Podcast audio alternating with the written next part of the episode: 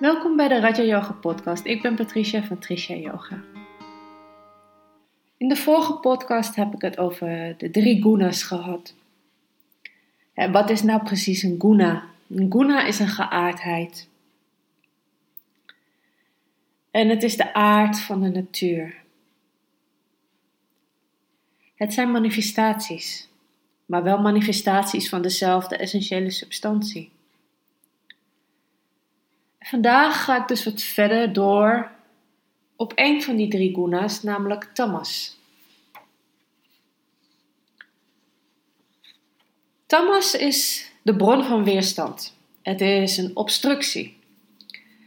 Het is de energievorm van de twijfel, van de weerstand, van de verwarring. En wanneer uh, tamas overheerst, worden de andere twee inactief. Dus dan worden rajas en sattva inactief.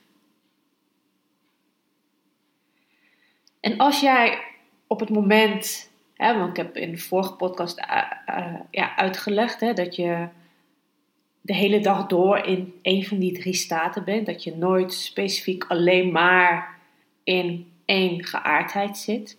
Ze werken samen, ze staan niet los van elkaar. Maar als je dus in tamas zit, kan je je bijvoorbeeld slaperig voelen, lui zijn, duf zijn. Weet je, dat als je een bepaalde dufheid ervaart, dan zit je in tamas. Maar ook gehechtheid. Dus als jij, en zo, zoveel eigenlijk van ons, hè, zijn we gehecht aan de dingen om ons heen. Als we echt gehecht zijn aan iemand, als wij echt in die tamas zitten, dan gaan we ons nog meer hechten. Dan gaan we nog meer in die gehechtheid zitten. Dus ook gehechtheid is een vorm van tamas. Ook duisternis. Duisternis is een vorm van tamas. Hè? We hebben licht en we hebben duisternis. En dat hoor je natuurlijk in de yoga ook wel veel. En we willen voornamelijk naar het licht toe. Maar ook duisternis is op zich oké. het is goed om ook het in ons te gaan ontdekken en te gaan kijken wat, wat zit er nou, welke, welke pijnen, welk verdriet, welke emoties uh, zitten daar. En vaak doen we dat weg, maar als je wel in die duisternis zit, is dus ook een vorm van tamas. En het is niet verkeerd, hè? Niemand zegt dat het verkeerd is. Onthoud dat wel heel goed. Verder, illusie is een vorm van tamas, maar ook onwetendheid. En uh, als je de podcast terugluistert over de klesha's, en dat heb ik ook in een aantal delen heb ik uitgelegd wat, wat een klesha is en wat de oorzaken van, van een klesha is. Hè. En dan beginnen we bij de eerste, dat is onwetendheid. En door onwetendheid worden eigenlijk ook die andere vier oorzaken, die, ja, die komen daaruit voort, doordat we onwetend zijn. Maar ook onwetendheid is een vorm van tamas. En als we in tamas zitten, en ik denk dat we dat allemaal wel herkennen, weet je, hebben we nergens zin in, willen we nergens heen, hebben zoiets van, ik heb gewoon helemaal geen zin om wat dan ook te doen. Gewoon, ik wil helemaal niets doen. Gewoon helemaal niets. En dat mag. En soms is ook helemaal niets doen juist hartstikke goed. Lummelen. Als je het idee hebt van, ik heb eigenlijk helemaal niks gedaan vandaag. Jeetje, wat erg. Nee, niets doen is goed. Zolang niets doen ook echt alleen maar niets doen is. Dus uh, onder niets doen verstaan we dus niet televisie kijken, boek lezen, spelletjes spelen. Nee, niets doen is echt letterlijk niets doen en dan rust je. Maar het valt wel onder tamas, onder de guna tamas. Als jij in een depressie zit, of jij hebt last van een burn-out, of je ervaart gewoon heel veel stress. Ja, dat zijn allemaal vormen die je verdichten, die uh, jouw connectie met je intuïtie verbreken. Zit je ook, dat is ook een vorm van tamas dan ook daar ehm, zit de, is, is de Guna aanwezig, is hij actief. Maar ook als jij teleurgesteld bent, of als je teleurgesteld voelt, of als je door iemand teleurgesteld wordt, dan ga je dus vanuit de Rajas of Sattva, word ga je naar Tamas. En als je dan echt in Tamas zit, wat gebeurt er dan? Je gaat je terugtrekken. Nou, wat ik net al zei, je intuïtie wordt geblokkeerd. Je raakt ja, eigenlijk de connectie met jezelf kwijt. Waardoor je je gaat afzonderen. En niet alleen trek je je terug, maar je, je zondert je ook echt af van alles en iedereen om je heen.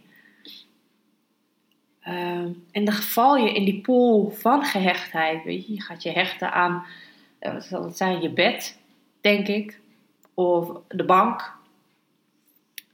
Maar je komt ook in die onwetendheid terecht.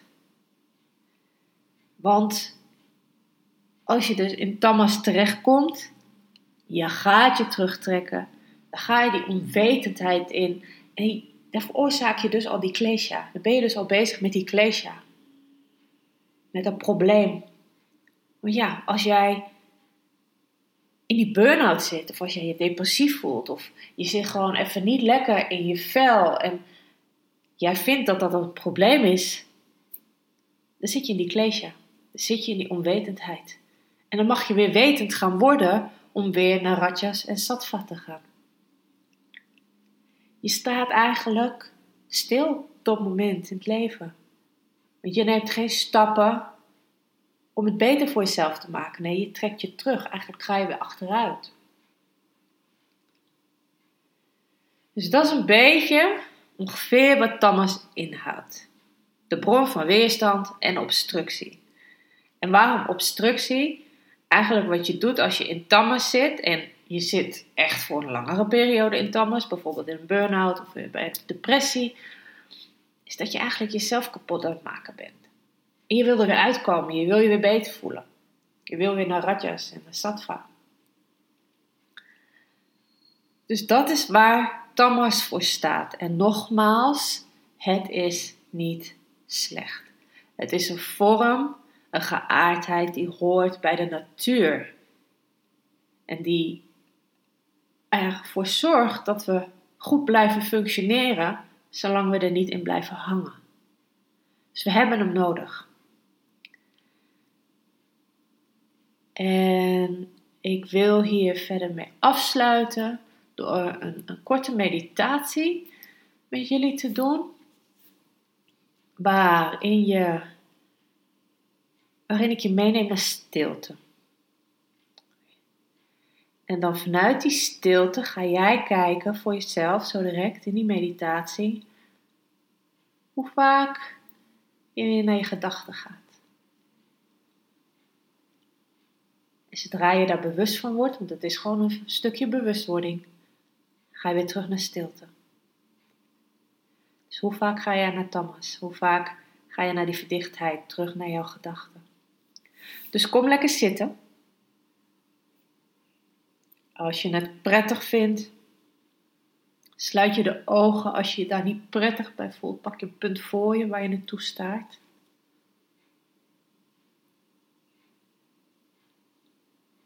Dan mag je als eerste de aandacht even naar je adem brengen. En kijk maar even of je op elke uitademing alle spanning in het lichaam kan loslaten. Dat je helemaal rustig kan worden. En laat ook je ademhaling rustiger worden. Kijk of het je lukt om je uitademing langer te maken dan de inademing.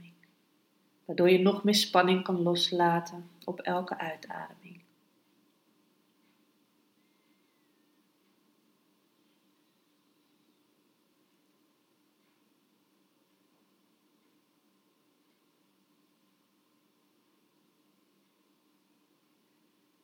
Op elke uitademing laat je jezelf steeds meer zakken in stilte.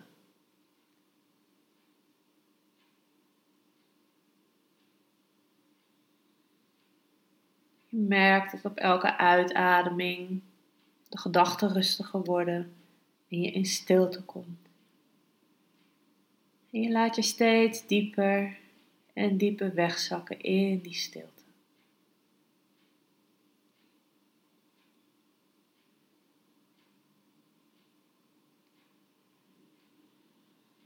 terwijl je zo in die stilte bent,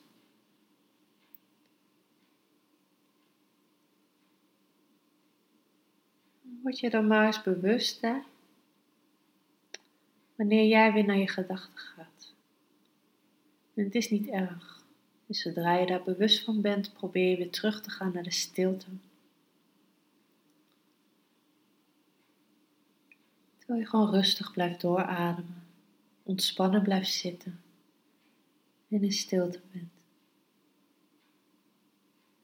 En dan hoor je deze stem over vijf minuten weer.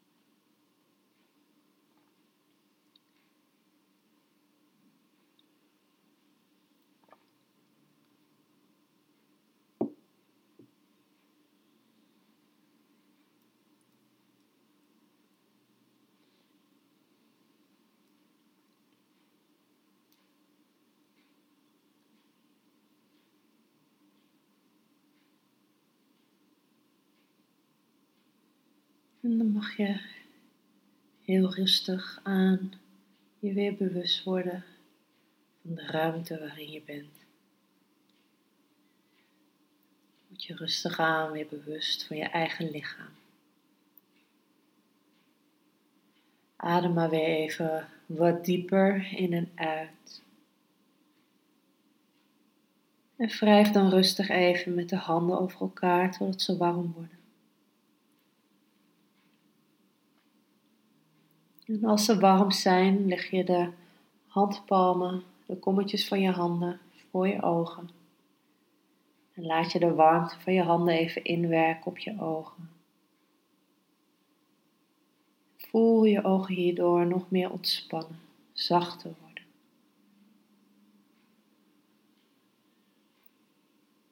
terwijl je handen zo voor je ogen liggen, open je heel rustig de ogen. En daarna laat je heel rustig aan de handen van je gezicht afglijden. En ben je weer helemaal terug in het hier en nu.